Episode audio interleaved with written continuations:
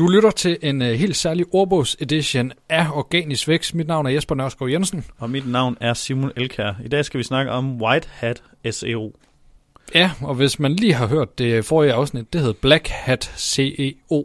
Uh, det her, det er jo på mange måder det modsatte. Det er, hvor du er helligere end uh, hellig i uh, det, du foretager dig. Der overholder du alle Googles uh, retningslinjer i forhold til, hvordan du arbejder med din SEO.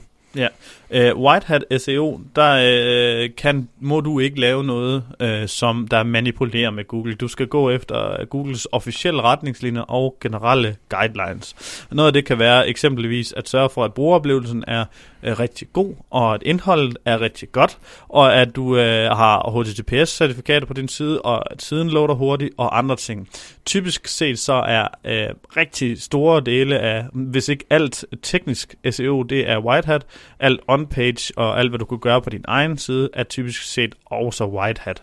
Øhm, I gamle dage, der var der nogle enkelte black hat øhm, on-page ting, der virkede, sådan som cloaking, og at man kunne sky- øh, skubbe sin tekst væk, eller skrive det med hvid, fordi du ikke vil have, øh, Google skulle, eller brugeren skulle læse det, kun Google skulle læse det.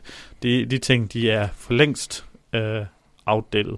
Så White Hat SEO, det er, når du spiller med Google og bruger dem som øh, medspiller, og i stedet for en modspiller, om at rangere øverst i Google. Typisk uh, anbefaler vi at bruge rigtig mange kræfter på at lave mange af de her anbefalede ting fra Google, fordi det er det, der står distancen øh, på lang sigt. Du